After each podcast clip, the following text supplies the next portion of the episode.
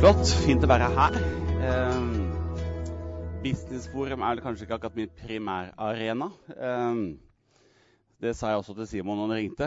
Eh, jeg er veldig heldig som har eh, Henrik Stensrud her. Han, vi sitter jo i lederskap med jentene sammen, og han vet at hver gang vi skal snakke om økonomi og regnskap, så, så eh, har han glede av å spille et ball tilbake til meg. og Hold deg våken, vi er ferdig med denne saken her. Vi skal snart begynne å snakke om noe som er viktig. Eh, ikke husker jeg tall, ikke er glad i tall. Så liksom, denne, dette foret her egentlig med business, det er ikke min greie. Men jeg tenker at det er utrolig viktig å forstå en grunnleggende tenkning fra Guds side. Og det er at han ønsker å skape en verden hvor Guds rike gjennomsyrer. Og da er ikke målet for Gud å bygge en lokal kirke. Eh, for hvis han samler alt i en lokal kirke, så når vi ikke verden. Men han vil sende sin kirke ut i alle samfunnsarenaene. Og da trenger vi mennesker med et varmt hjerte, med en levende tro, et fremodig vitnesbyrd, og med en karakter som står oppreist på alle de arenaene. Og Derfor er det avgjørende viktig at nettopp dere er her med fremodighet, kjenner på en glede over at den driven som dere har fått, da, den er ikke bare drevet av dere selv, den kan være gitt av Gud. For at dere skal nettopp følge den og få lov til å bety noe der hvor dere er. Så vi trenger mennesker på alle arenaene i dette samfunnet. Og da er det avgjørende viktig at dere tør å tenke stort om nettopp det. Jeg har lyst til å si noen ting. Og det blir litt personlig. Jeg deler litt fra mitt hjerte. Og um, så får vi se om det betyr noe i din verden. Ehm, jeg tenker at jeg har en liten overskrift som heter 'Følg hjertet'. Eh, og det er en måte Jeg tenker at jeg vokste opp i en tid hvor nettopp det med å følge hjertet er et budskap som jeg har hørt mye. Eh, ikke primært bare i kirken, men jeg har hørt det hele livet på alle kanaler. Så er det det 'følg hjertet'. Det kan skape et veldig individualistisk spor. At nå skal jeg realisere meg selv. Men interessant er at Gud snakker ganske mye om hjertet. Men han snakker om hjertet antagelig i en ganske en annen balansepunkt enn det et rent realiser deg selv-spor handler om. Eh, Bibelen snakker om det med at vi skal få lov som kirke og som etterfølger han, å søke byens beste. Altså det at vi får lov til at det ligger en tone i vårt liv om at hvis vi gjør denne byen, dette landet, et bedre sted å bo, så vil det være med å fullføre noe av det Gud ønsker at vi skal gjøre. Gud vil at vi skal gjøre Oslo til en bedre by, Norge til et bedre land. Og Det krever entreprenørskap, og det krever excellence, og det krever at vi går inn med det vi er, eh, og gjør vårt beste for å oppnå det. Men dere sendes samtidig inn i en arena som i stor grad bærer et miljø som er preget av en del sterke drivere som handler om at jeg skal lykkes. Liksom dere er på vei inn i Sharkfield. altså Det er den sterkestes rett. Altså, jeg tenker Businesslivet handler ikke primært om veldedighet. Det handler primært om ganske sterke mennesker med sterke ønsker om å lykkes og tjene penger. Og bygge noe som de har i hjertet sitt et ønske om. Og ofte ganske sterke drivkrefter i seg for å lykkes. Og jeg tenker at det å ha et mål om å lykkes er ikke galt så lenge man ikke tråkker over lik for å gjøre det. Og hvordan er det vi forvalter hjertet vårt i et miljø som har ganske sterke krefter, som kan være ganske divergerende fra det å være Guds rike? For Guds rike er bygd på noen idealer. Jeg har erfart når jeg har levd såpass lenge, det har noen fordeler og noen klare ulemper. Jeg var med Grünerløkka på tur her for et par uker siden, og så står jeg der, og så ser jeg plutselig Filler'n, jeg er eldst by far i det rommet her. liksom. Og tenker jeg, Det var en sånn kjip erkjennelse. Da skal jeg ønske at Henrik var der. For eksempel. det hadde vært fint å ha noen andre som hadde liksom bare hjulpet meg litt til. Men, men, jeg tenker at det er noen fordeler med å leve en stund. Det er at du gjør noen erfaringer gjennom livet. Og noen erfaringer i livet det er at eh, livet spiser intensjoner. Gode intensjoner. Livet det spiser idealer og det spiser ofte verdier. Og Jeg har jo sittet da som pastor i det sjelesørgeriske rommet med et utrolig stort spekter av mennesker. Og når jeg noen ganger har spurt mennesker som har levd en stund har du blitt det mennesket som du en gang drømte om å bli, så får du ofte et blikk som går ned. Og en sorg i stemmen og sier nei, det blei ikke sånn.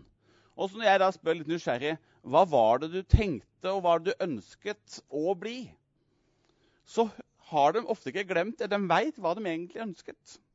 Og på en eller annen måte så staket de en kurs dit, men så havna de et eller annet annet sted. Og det er jo fordi at livet gjør noe med oss. I ordspråkene En av de mennene i livet og i verden som har historier som har lyktes, han het Salomo. Han sier 'bevar hjertet' framfor alt du bevarer. Og hva er det med dette hjertet som igjen går i Bibelen? Jo, hjertet er noe av det definerende punktet i oss. Det er der hvor selve verdien ligger. Problemet med hjertet er at det er formbart. Så det hjertet som da i utgangspunktet kunne vært formet bra, kan formes etterpå til det blir ikke bra. Derfor må du bevare det, for det kommer til å utsettes for, ut, for utfordringer. Egil eh, sa, sa, for mange år siden husker jeg, hvor han snakket om at vi lever med et ytre og et indre trykk. Og Det ytre trykket for verden rundt oss det kan være på godt og, godt og vondt, men det påvirker oss.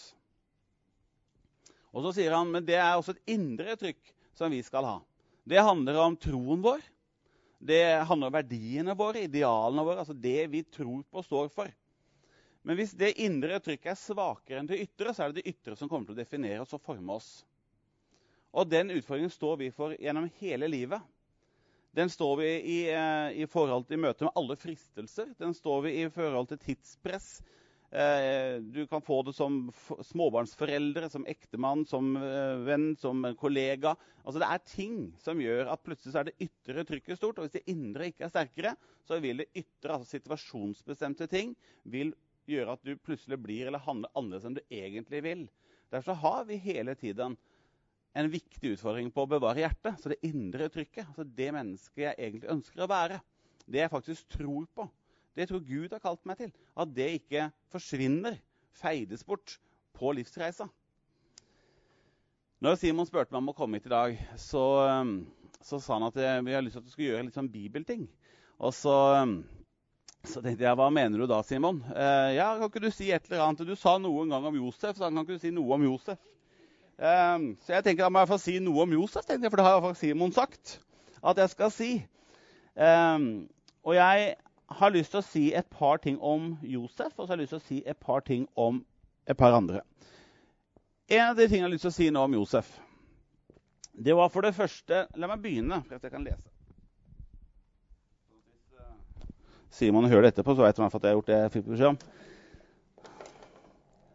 Akkurat nå savna jeg et notestativ, men det går sikkert helt bra. Nå skal vi se her.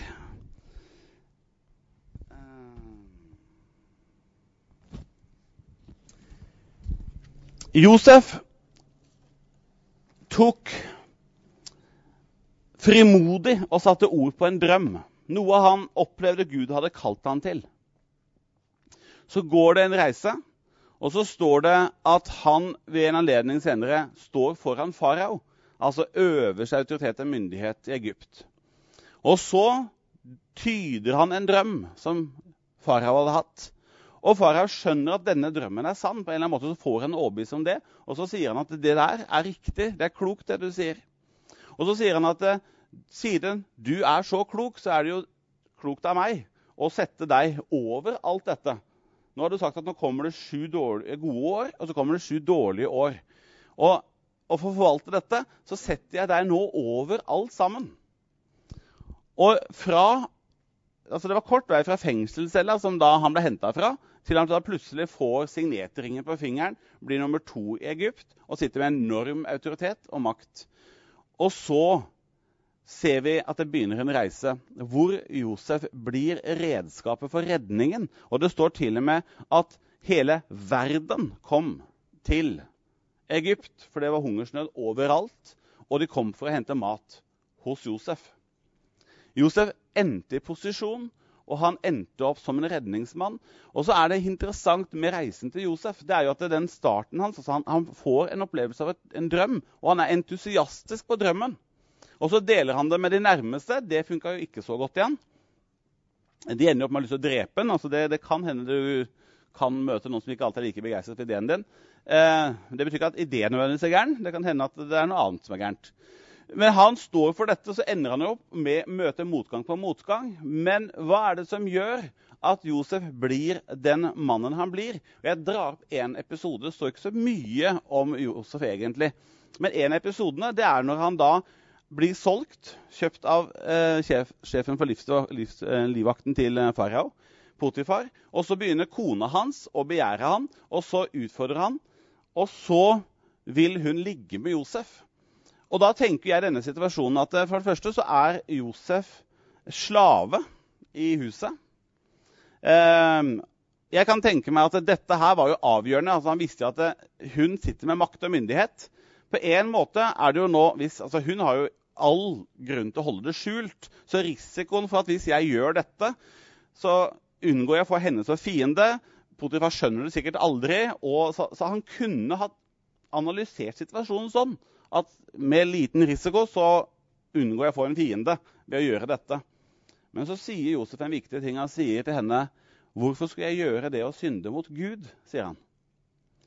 Og jeg tenker at det er noe igjen. Bevar hjertet. Hva er det som lever i Josef? Han måler hele livet mot den troen han har på Gud. Troen på Gud er det definerende punktet. Og det er det som gjør at når alle tingene går egentlig mot Josef igjen og igjen og igjen, så ender han opp med å hele tiden gå tilbake til et definerende punkt som handler om hva tenker Gud nå. Jeg har en drøm. Jeg vil ikke svikte Gud, jeg vil ikke svikte troen min. Også, for han kunne jo blitt en bitter, såra, ødelagt mann med alt det han møter. Men det blir han ikke. Og når brødrene etter hvert da, som solgte han til noen slavehandlere, kommer tilbake etter hvert nå, og nå er det de som er på kne. De kjenner han ikke igjen. Nå er jo tiden for revenge. Liksom. Nå kunne han virkelig ha tatt igjen. Og det har han hatt ganske mange år på og tenkt på. Hvordan skal jeg få tatt igjen når jeg får en mulighet? Men det gjør han ikke. Han sier at det var ikke dere, det var Gud som sendte meg hit, sier han. Hva er det som gjør at han ikke blir definert av de motsetningene eller motstandstingene han har opplevd? Jo, det var et eller annet, en korrigerende fortelling som han hadde med seg gjennom hele livet. Som gjorde at han leste omstendighetene, leste situasjonene annerledes. Og da blir han en redningsmann. Da blir han en som til og med omfavner sine søsken og gir dem det beste. Og gir dem til og med livet tilbake, for de var i ferd med å, å dø av sult. Jeg har lyst til å si noen ting også. Daniel, Profeten Daniel har det samme. En slavegutt som dras ut av alt som er trygt og kjent havner i Babylon, en avgudsdyrkende nasjon, en krigsmaskin. Eh, bygd på helt andre kulturer, helt andre lover, helt andre religioner. Alt er annerledes. Og så ender vi opp, og så leser vi senere i Daniels bok at eh, det blir sagt om deg, Daniel, det er en usedvanlig ånd i deg, står det. Og hvordan kan et menneske som lever tatt bort fra alt som er kjent og kjært, bevare dette når det ytre trykket er så sterkt? Det avsløres litt senere ved en anledning hvor trykket settes på enda mer fordi folk er sjalu på Daniel, som også kommer i posisjon. Han får også innflytelse. Og så blir de misunnelige, og så lurer de kongen til å sende ut en idiotisk påbud om at nå skal man ikke tilby noen andre guder enn kongen. Og hvis man gjorde det, ble man kastet til løvene. Og så sier han at altså det er ikke lov å tilby noen andre. Det første refleksen til Daniel da, det er jo å gå rett opp i rommet, lukke opp vinduene, be mot Jerusalem. For sånn hadde han gjort gjennom alle tider. Det er det definerende punktet som gjør at han ikke ender opp med at det ytre trykket fører han et sted som det indre trykket egentlig ikke ville ha han. Det indre trykket var sterkere i Daniel. Det går ikke av seg sjøl. Jeg tar litt fra mitt eget liv. Jeg... Eh, jeg tenker at alle livsvalg vil på en eller annen måte utfordres. Jeg opplevde jo som ganske liten og ung at uh, dette her med å bygge Guds rike det var min drøm. Mine foreldre de jobba i rusomsorgen. Uh, og uh, så når jeg var ferdig med første klasse i barneskolen, så flyttet vi opp i Hedmark. Opp på et behandlingshjem for alkoholikere på en gård. Der bodde jeg eh, og mine søsken gjennom hele min tid i barneskolen. resten av barneskolen. Så jeg, Mine lekekamerater var jo alkoholikere.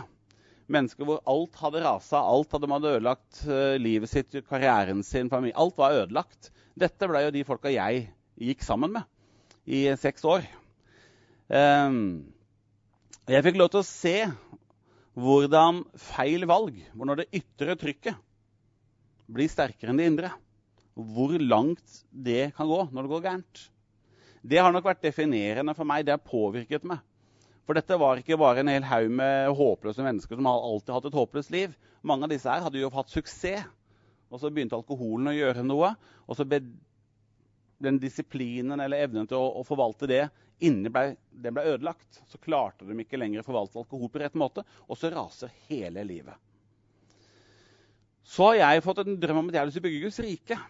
Jeg husker når jeg da kommer som Bergen, I Bergen så er jeg ungdomspastor.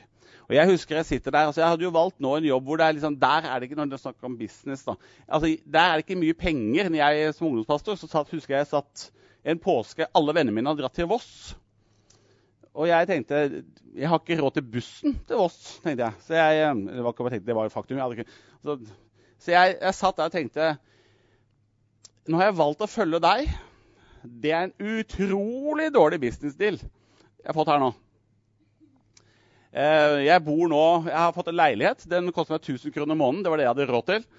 Og ehm, der satt jeg i påske etter påske. og Jeg husker liksom noen andre på ferie. Så jeg, Gud, skal, altså, er dette greit? Um, og så husker jeg at da måtte jeg ta noen valg da, den gangen. På, skal jeg nå sitte og se synd på meg selv fordi jeg kanskje ikke har den økonomiske forutsetningen som andre har? Eller skal jeg nå sitte og tenke at jeg er ekstremt privilegert som får lov til å bruke hele livet mitt på det jeg faktisk brenner for, og det er å bygge Guds rike? Og så landet jeg fort i det, og så kjente jeg hvor privilegert jeg var. Og så fikk jeg lov til å kjenne gleden over det. Og jeg tenker at det forskjellige livsvalg vil på en eller annen måte alle vil utfordres. Så når dere velger det dere gjør nå, så vil dere få deres variasjon av utfordringen på det valget. Det er alltid noen nedsider ved alle valg. Og det er de som kommer opp. Er det mulig å få valgt av dette? Og stakkars meg som gjorde dette her. Men finn ut igjen, bevar hjertet, hva er det som ligger i hjertet ditt. Så du kan få lov til å kjenne at dette ikke bare handler om å realisere seg selv, men sett livet ditt inn i et større bilde. Hvor du får lov til å si at ja, jeg skal bli den beste på det jeg gjør. Men det skal også få lov til å gi Gud ære. Det skal også få lov til å bety noe for menneskene rundt meg. Det skal få lov til å være jeg skal bety noe for mennesker. Sett livet ditt inn i et bilde hvor Gud er en del av det. For da vil du, når du utfordres på valget ditt, kjenne at det er en hensikt bak det jeg gjør.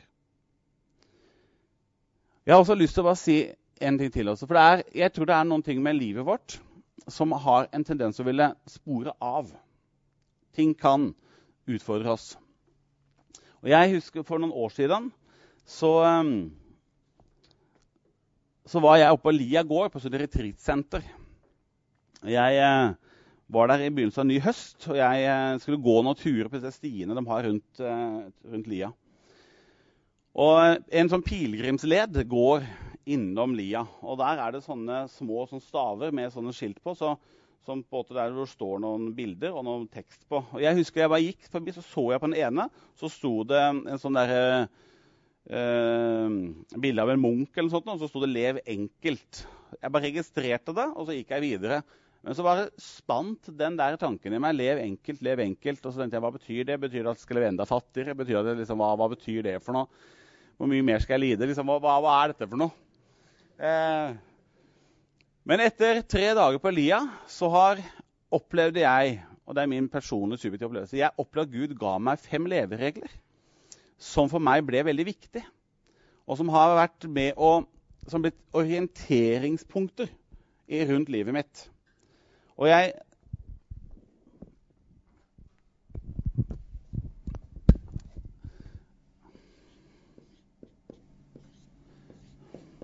Jeg tok jo denne her munkegreia, da. Og så og det er interessant at jeg, de, kom så tydelig for meg, og jeg satt og diskuterte med Gud på flere dem, for jeg syntes noen av dem var litt fornærmende også. Så jeg, eh, jeg fikk lev sant. Jeg tok det direkte personlig med en gang. tenkte jeg, Hva er det du prøver å si? Er ikke jeg et ærlig menneske? For det her har jeg alltid ment for å leve etter. Så fikk jeg, bare for at han liksom skulle hjelpe meg mer, så fikk jeg lev Da var diskusjonen ganske høylytt inne på rommet på Lia. For jeg tenkte hva er det du mener nå? Og så fikk jeg eh,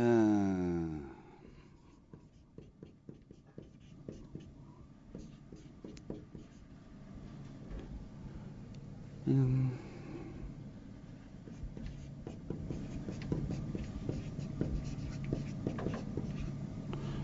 Hva er det jeg skriver her nå? Sånn. Disiplinert. Skal ta en siste til på. Disse setningene Det er ikke noe magisk med setninger. Men hvis disse setningene får lov til å gjøre noe med meg over tid, så vil de påvirke meg. Disse har vært viktige for meg. Lev enkelt. Det handlet ikke bare om å leve nøysomt. For meg har det vært kjempeviktig, for jeg tenker ofte så møter jeg at livet er komplisert og komplekst. Og det er det sannelig til tider. Men jeg har tenkt, det er mange ganger at jeg kan gjøre det enkelt. I stedet for å gå inn nå og gjøre det her vanskeligere, så kan jeg faktisk gjøre det enklere. Altså nå, nå er det masse følelser, nå er det hele hel haug med ting. Altså, La meg ta det ned. Så jeg har gjort alt jeg kan jeg, på livet mitt for å se hvordan kan jeg prøve å være med å gjøre livet enkelt. For meg selv, for menneskene rundt meg, kona mi, barna mine. Um, og det handler også faktisk om å leve sunt nøkternt. For jeg tror nøkternt er sunt. Eh, og Bibelen snakker faktisk også om det. Det å få lov til å finne ut hva betyr dette for meg på mange områder i livet. Å leve sant utfordrer meg. For det, det handler om å tale sant om Gud. Det handler om å tale sant om mennesker. Det handler om å forvalte ærlig. Det handler om å tale sant om meg selv. Og jeg fant ut filleren, her er jeg er mer i utakt med sannheten enn det jeg trodde. Altså, Hva er det jeg sier om meg selv? Eh, hvor lett er det ikke å ljuge lite grann? og tenke at det går sikkert bra. Det her er jo egentlig ikke helt gærent. I det øyeblikket det ikke er helt gærent, så er det ikke helt rett. altså Kom an på hvem du tar det fra. Og det jeg, funnet, jeg har lyst til å tenke at det skal være noe uangripelig i livet mitt. Jeg har lyst til å bestrebe meg på å leve sant.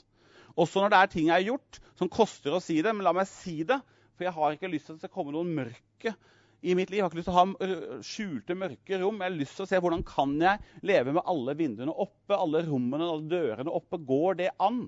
Å leve så jeg ikke behøver kikke noen gang over skulderen, for jeg er redd for at noe blir oppdaget.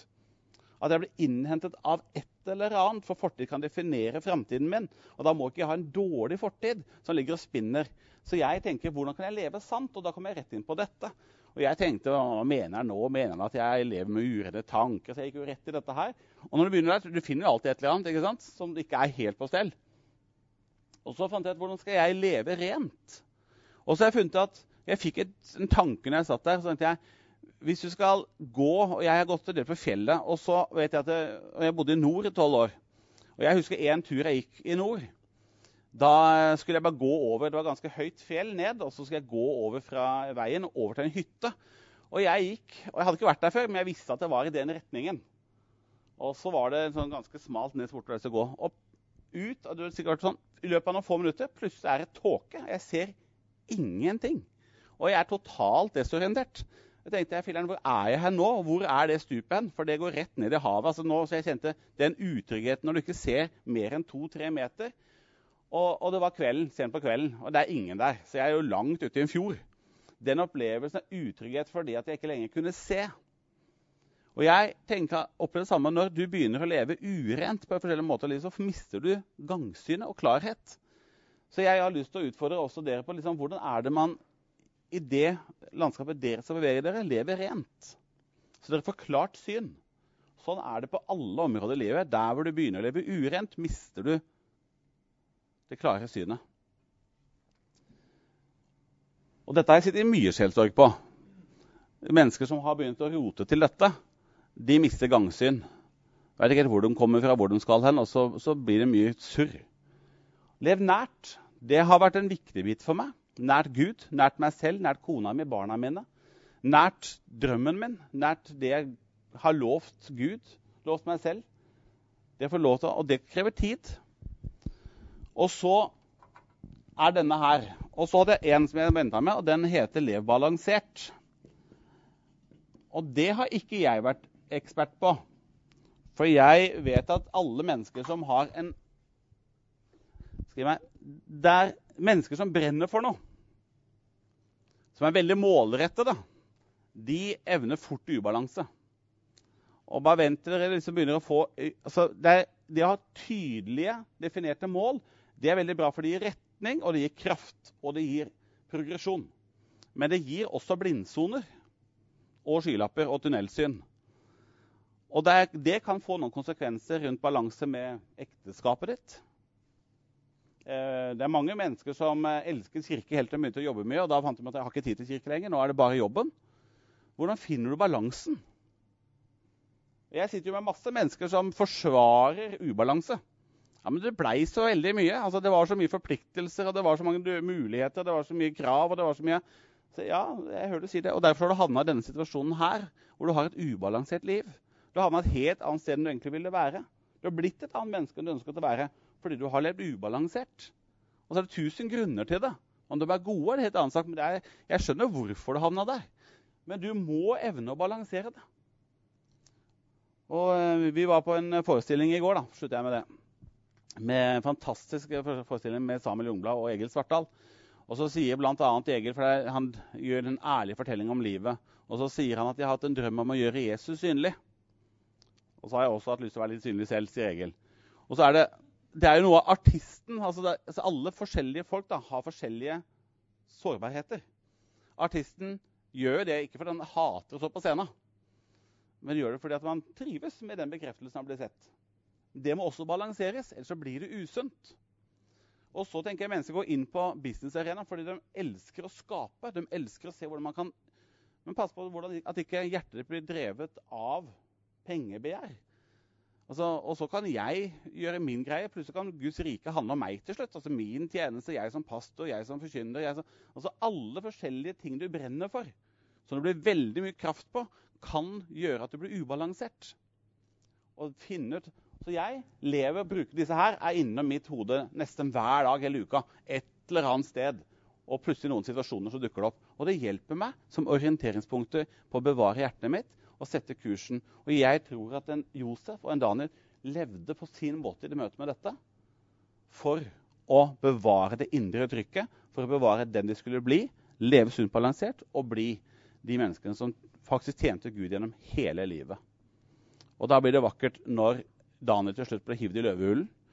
Og jeg som på søndagsskolen hadde sett på flanellografen at han var en ung, kjekk fyr på 17 år som sto der og var overmodig og full. Liksom. Men han var ikke det. vet du. Altså, virkeligheten var at han var 70 år når fyren ble hivd i løvehullen.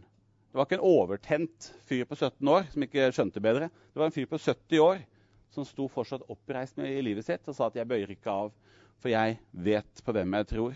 Og det er det som er det sterkeste. Og jeg ønsker dere det beste. Og jeg tror at det her handler om å vite hvem dere er. Og stå gjennom livet i det.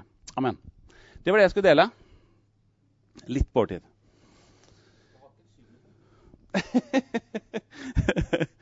jeg har disse reglene, og jeg har sagt at 1, 2, 3, 4, 5, 6 Og så har jeg sagt at jeg skal holde det helt bevisst åpent som en sjuende punkt. For jeg tenkte det kan komme senere i livet. Så det er helt bevisst at jeg har seks punkter, og ikke sju. Sju er mer fullkomne, så jeg vet det som jeg har den åpen. For det kan hende Herren senere i livet minner på en til. Derfor er det seks punkter i dag. Og så er det poenget at det ikke er for mange, for jeg skal huske det, men sju kan jeg klare. Og det er jeg veldig spent på om det kan komme et sjuende punkt på et eller annet tidspunkt.